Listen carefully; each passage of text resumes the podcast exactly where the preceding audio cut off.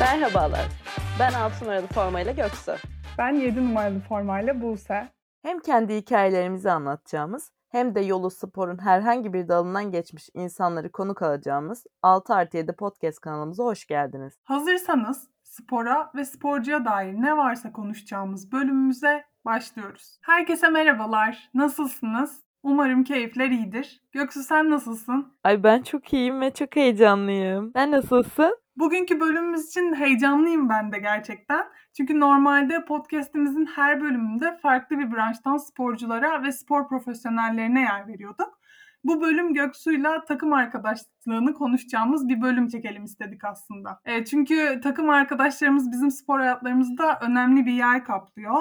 E, bu bölümde de kendi deneyimlerimizden ve o arkadaşlığın hayatımıza olan etkilerinden bahsedeceğiz biraz. E, Göksu ilk olarak senin için takım arkadaşlığı ne ifade ediyor? Onunla başlayalım. E, biliyorum bu konuyla ilgili metiyeler düzebiliriz ikimiz de ama topu ilk sana atayım. Evet, öncelikle bizim şu anki yaptığımız iş aslında bunun e, takım arkadaşlarının bir göstergesi.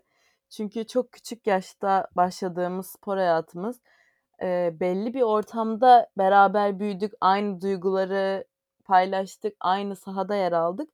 Sonrasında da ben bunun sonsuza kadar herkese sonsuza kadar sürüyor olmasa da belirli kişilerle böyle altyapıda hani beraber büyüdük, doğduk gibi olan insanların sonsuza kadar gittiğini düşünüyorum. Yani takım arkadaşlığı bilmiyorum bir yerde takımdan ziyade artık dostluğa dönüştüğünü düşünüyorum ben. Hı hı. Bu özellikle işte daha küçük yaşlarda başladığında bağlayıcı, bağlayıcılığı çok daha fazla oluyor. Hı hı. Şu an bizim e, etrafımızdaki hani benim her gün aradığım, sorduğum, konuştuğum arkadaşlarım gerçekten eskiden takım arkadaşım olan insanlar. Eskiden diyorum çünkü belli bir yerde hep biz ayrıldık.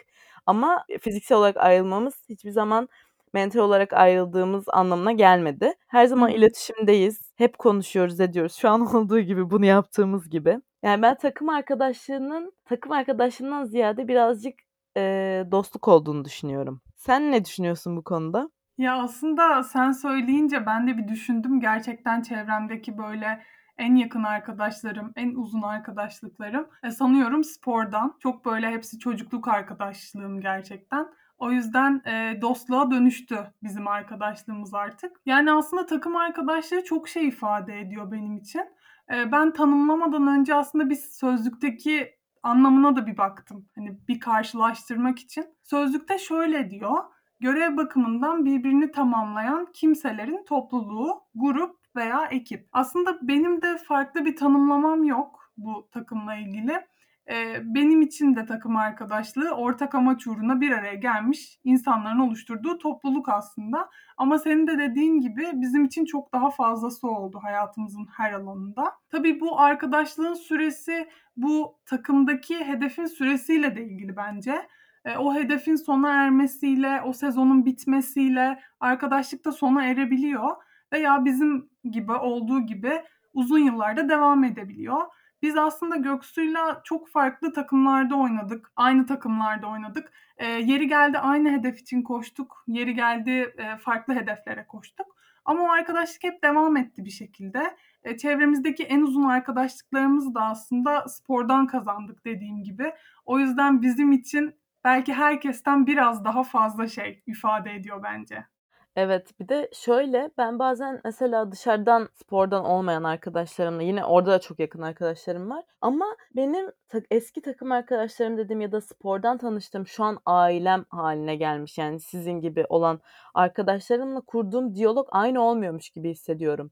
Sanki duygusal Evet. olarak biz birçok şeyi paylaştığımız için çünkü ailelerimizden daha çok birbirimizi görüyoruz, görüyorduk. Yani oku, biz seninle hı. okulda beraberdik, okul takımında beraberdik, kulüpte beraberdik. Hani her nefesimiz beraberdi. Benim sana duygularımı anlattığımda sana geçirdiğim etkiyle sanki diğer arkadaşlarıma geçirdiğim etki aynı olmuyormuş gibi oluyor. Ben böyle hissediyorum. Hani belki de takım arkadaşlığının o paylaştığımız duygudan aynı sahada sevinmek, aynı sahada üzülmekten kaynaklı olabilir bu durum. Bu his yani. Evet ya ben de şöyle düşünüyorum.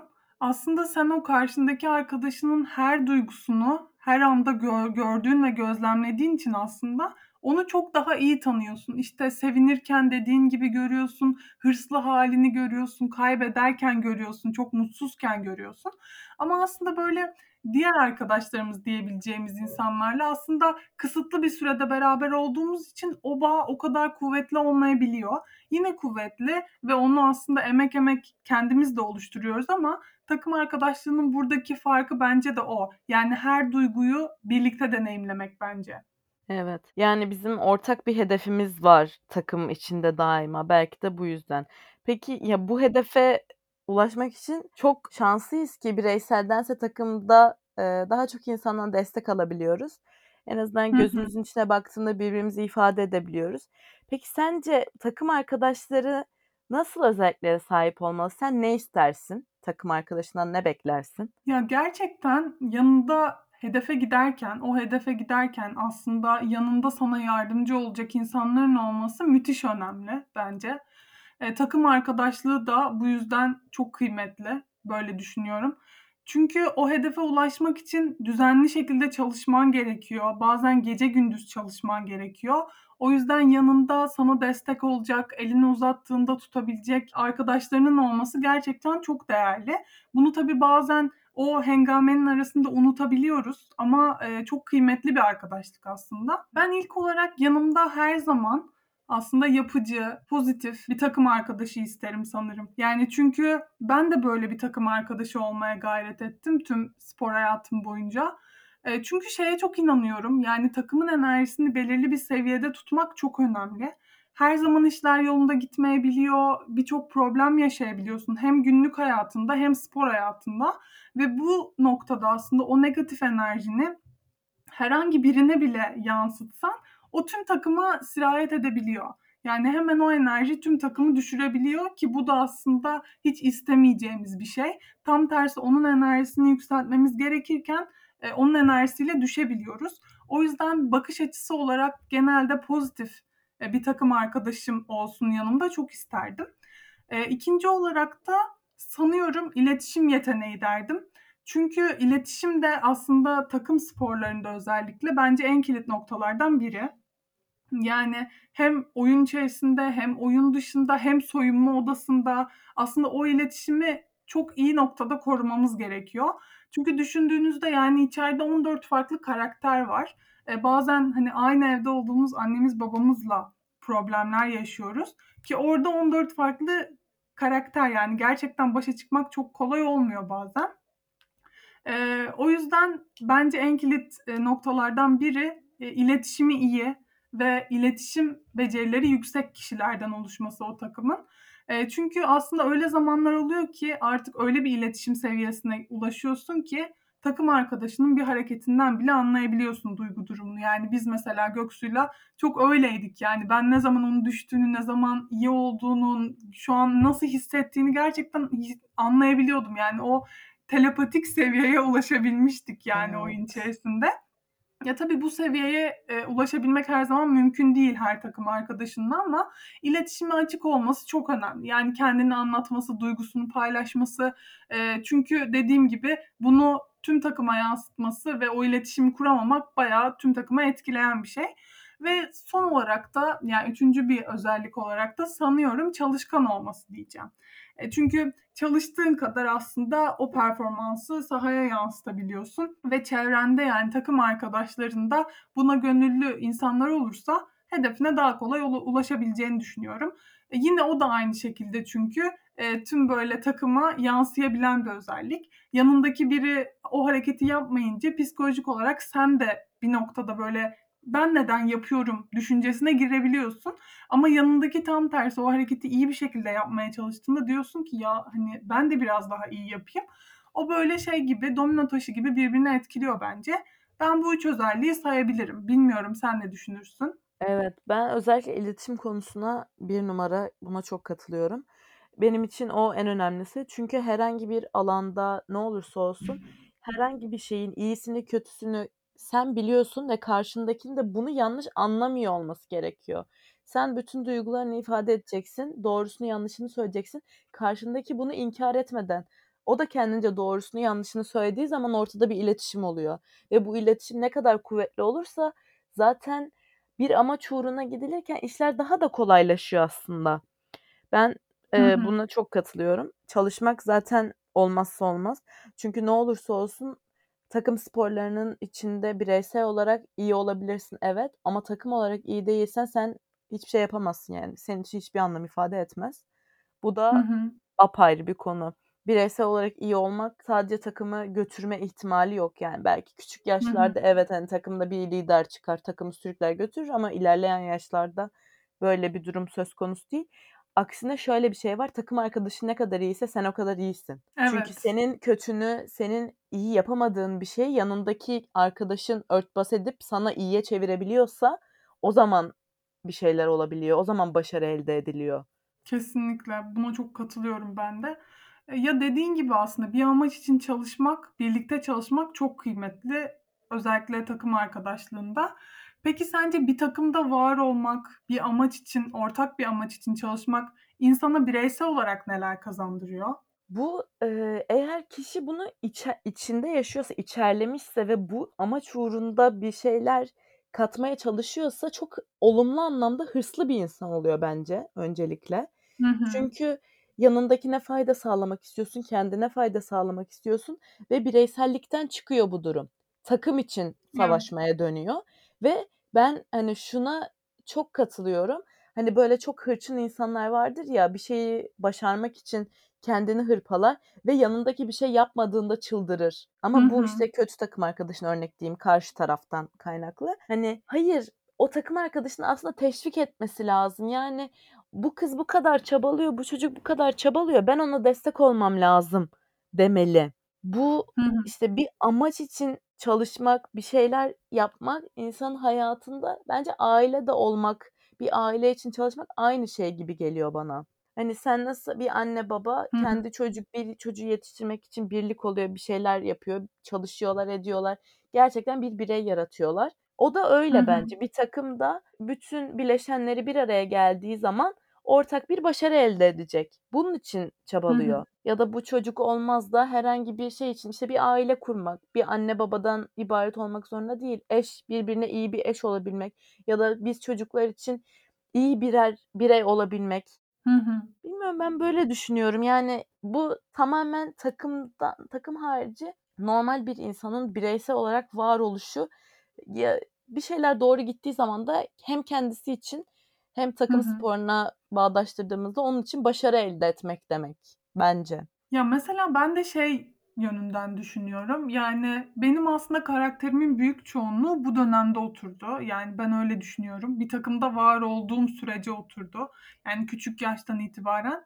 Özellikle empati yeteneğim, biraz önce dediğin gibi sorumluluk alabilmek, yani, çıkıp "Evet, ben bunu yapabilirim." diyebilmek ve biraz önce de bahsettiğimiz farklı kişilerle iletişim kurabilmek. Yani, aslında bu gibi birçok yetkinliği kazandırdı bize spor ve tabii insana en başta büyük bir öz güven de sağlıyor. Yani, bir takım içerisinde yer almak. E, bir de tabii her sene o takım değişiyor, yeni kişiler geliyor ve bunun sonucunda da aslında birçok insanla tanışıyorsun ve o şansa sahip oluyorsun. Bir de bunu rekabet ortamında yapıyorsun. Yani, aslında işin içine hırslar giriyor, insanları tanıma giriyor, kendini çok iyi tanıyorsun, sınırlarını artık yavaş yavaş öğrenmeye çalışıyorsun. O yüzden her biri bana çok şey kattı ve dediğin gibi aslında bir takım içerisinde yer aldığında artık sadece kendi sorumluluğun yok, takım arkadaşının da sorumluluğu var ve bu da aslında, böyle, seni kamçılayan, daha çok çalışmaya iten bir şey.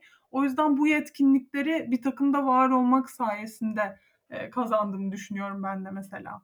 Evet. Peki sen bu, eee, takım arkadaşlıklarından neler öğrendin? Hayatında neler kattın kendine? Ya, aslında bu takım olayı, yani, bir takımın içerisinde yer almak gerçekten farklı bir ortam. Yani, şimdi, böyle, geçmişe gidersem ve kendimi, böyle, bir gözlemlersem, eee, düşün ki 3. sınıfta bir takımın, bir grubun içerisine koyuyorlar aslında bizi. Eee, bir şeyler öğrenmeye çalışıyorsun, çevrende tanımadığın bir sürü insan var, bir şey yapmaya çalışıyorsun birlikte ve sonuçta orada yapamadığında daha büyük bir suçluluk ve utanç duygusu giriyor. Yani, aslında ben sanıyorum bu arkadaşlıklardan, bu spor kulüplerinde gördüğüm şeylerden önce kendim olabilmeyi öğrendim. Yani, aslında ben kimim, benim sınırlarım neler, ben ne yapmayı seviyorum, Bunları öğrendim. Daha sonra da tabii arkadaşlığı öğrendim. Yani küçük yaştan itibaren e, o her gün gördüğüm insanlarla nasıl iletişim kurur, kurabilirim? O arkadaşlığı çünkü çok derinden gözlemledim ve öğrendim. Her gün görüyoruz yani e, o kişileri küçüklükten beri. E, arkadaşlarımın biraz önce dediğim gibi her halini görüyorum. E, bu da tabii aramızdaki ilişkiyi çok güçlendiriyor. Yani birlikte mesela şehir dışı yolculuklara çıkıyorsun, servislerde uyuyorsun, oyunlar oynuyorsun. Yani o yakınlık seviyesi birden böyle çok üst seviyelere çıkıyor. O yüzden ben genel olarak bu takım arkadaşlığında çok şey öğrendim, çok şey deneyimledim. O yüzden de mesela şu an baktığımda hem Türkiye'nin hem dünyanın farklı birçok yerinde arkadaşlarımız var ve bu da aslında o ilişkileri devam ettirmemiz sayesinde oldu. E, o yüzden benim için çok kıymetli yani orada kazandığım her arkadaşlık iyisiyle kötüsüyle bana çok şey öğreten süreçler oldu aslında. Peki aslında biraz şeyden bahsettik yani takım takımda var olmak, takımı yürütmek, takım arkadaşlığı ama bir de böyle çok bahsedilen bir konu var. Takım ruhu. Ee, takım ruhu sence nedir? Nasıl fark yaratıyor ve takım ruhuna sahip takımların başarılı olması bir tesadüf mü? Bunu merak ediyorum. Kesinlikle tesadüf değil. Ya takım ruhu aslında bence kimyasının tutmasıyla alakalı. Yani her takımın evet bir ruhu var mutlaka ama o kimya her yerde aynı şekilde oluşmuyor bence. Bizim mesela Işıkkent'te oynadığımız dönemde kemik kadromuz vardı. Aramıza girenler çıkanlar oldu. Ama o takım ruhu, o kulüpte bizim yetişme tarzımız, biz o kemik kadro bunu çok uzun süre sabit tuttuğumuza inanıyorum ben. Ve Hı hı. oradan çıktıktan sonra gördüm aslında ben. Belki sen de öyle. Oradan çıktıktan sonra böyle bir şey oldu. E burası ama hiç Işıkkent gibi değil. Hani Işıkkent'te biz böyle yapmıyorduk. Hemen bir kıyasa döndü olay ve o zaman anladım. Hani takım ruhu nedir? Biz takım hı. ruhunu sadece takımın içindekileri oyuncular olarak düşünüyoruz ama değil. O takımın antrenörü, o takımın antrenmana maça nereye giderse gitsin git servis şoförü, yöneticileri hep beraber biz hep beraber her maç öncesi gidip kahve içtiğimiz yerde muhatap olduğumuz insanlar hani Hı hı. her şeyi dahil edebiliriz bence buna. Yani Evet. Bizim ailelerimiz de buna çok dahil bence. Çünkü onlar da bizim için inanılmaz bir motivasyon kaynağıydı her zaman. Çünkü Tabii. senin annen baban, benim annem babam ben kendimin anne babası yokken gelip seninkilerle motive olabili- olabiliyordum yani. Bu çok büyük bir Evet. şey. Ee, ilerleyen dönemlerde belki bu birazcık daha zorlaşıyor. Yaşlar büyüdükçe ailelerin olaya dahil oluşu azalıyor. Ama biz küçük yaşlarda bunu çok güzel bence uydurduk. Takım ruhu da işte birbiriyle olan iletişimle başlıyor. Kazanmaya başladıkça bu ruh genişliyor bence. O büyüme hı. sebebi kazanmak. Çünkü işler yolunda gittiği zaman insanlar birbirine daha çok bağlanıyor ne olursa olsun.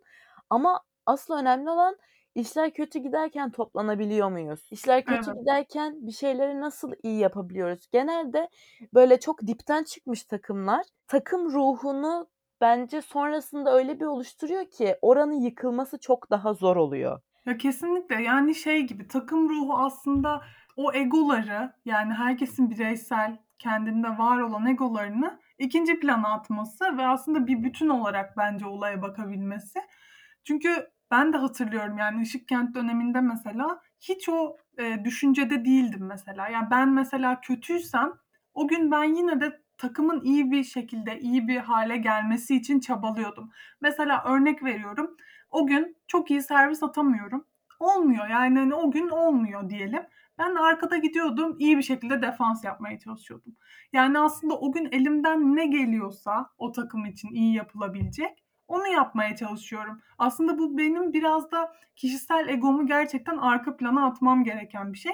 Çünkü o evet maç kazanılıyor ama ben kötü oynadım. Ama önemli olan o değil. O gün o takımın bizim hedefimiz olan maçı kazanması.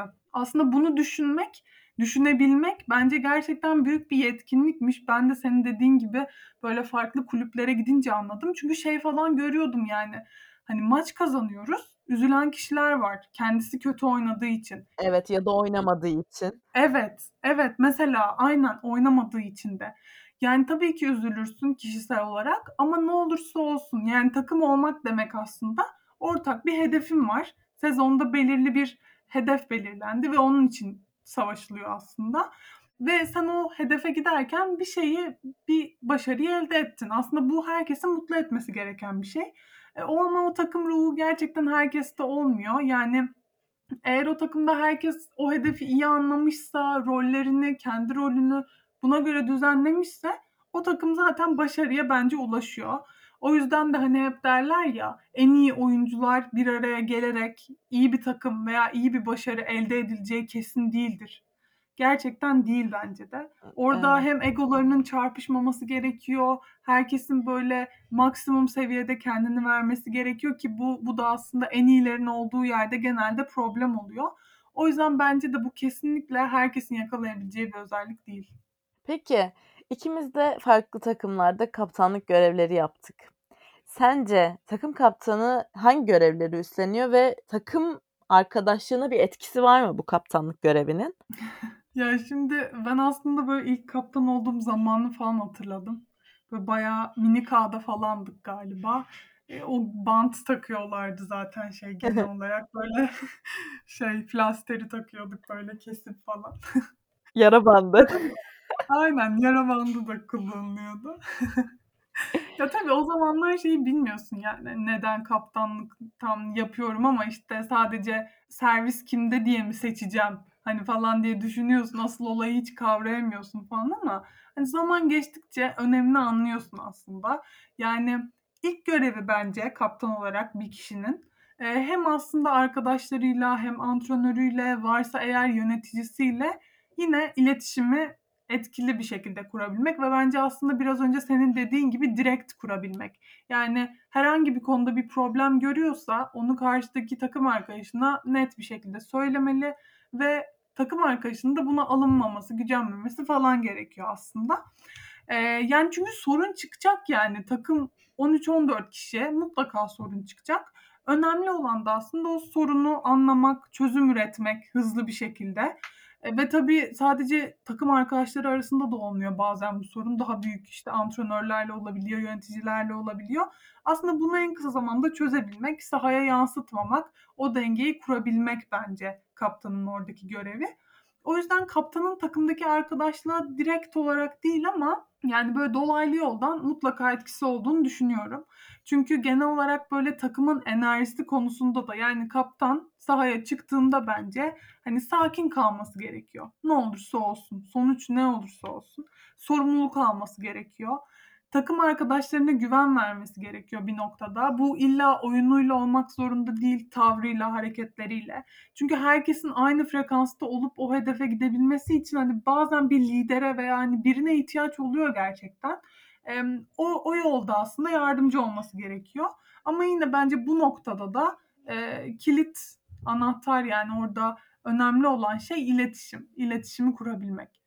Sen ne düşünüyorsun? Sen çok uzun dönemler yaptın aslında bir de bu işe. Yani şöyle bence ilk söylediğin şey çok mantıklı. Denge kurabilmek. Hem takım içinde hem diğer yönetim, antrenör tarafıyla aradaki dengeyi kurabilmek. Hem de birazcık ben şeyden yanayım ya. Yani sözünü dinletmen lazım. Ne olursa olsun hani bu kötü anlamda söz dinletmek değil ama Hı hı.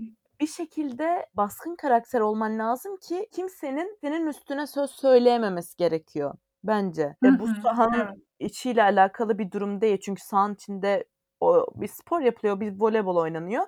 Orada belki o maçı götürecek, o liderlik görevini hani takımı taşıyacak görevi üstlenen başka biri de olabilir. Ama işleri yoluna koymak için 3-5 sayı geriye düştüğünde bir takımı sarsacak bir adam olması gerekiyor bence sahanın içinde. Hı hı. Bu Evet. benim için en büyük görev olabilir. Ya ya da geri geldiğinde kim olduğu fark etmeksizin çünkü en yakın arkadaşın da senin o sahanın içinde olabilir ama yeri geldiğinde ona da bir fırça atmak gerekebiliyor. Hani bu dengeyi kurmak lazım. Bu çok önemli Kesinlikle. bir şey. Çünkü o kişinin işte yine sana alınmaması gerekiyor. İletişim giriyor oraya. Çünkü işte biz Büşra'yla yani en basitinden çok büyük bir örneğiz. Hani sahanın içinde o kadar didişip ama sahanın dışında hani bir şeyleri arkada bırakmayı o onunla işte bizim takıma ilk geldiğinde belki adapte olamadı ama sonra o kadar iyi oldu ki.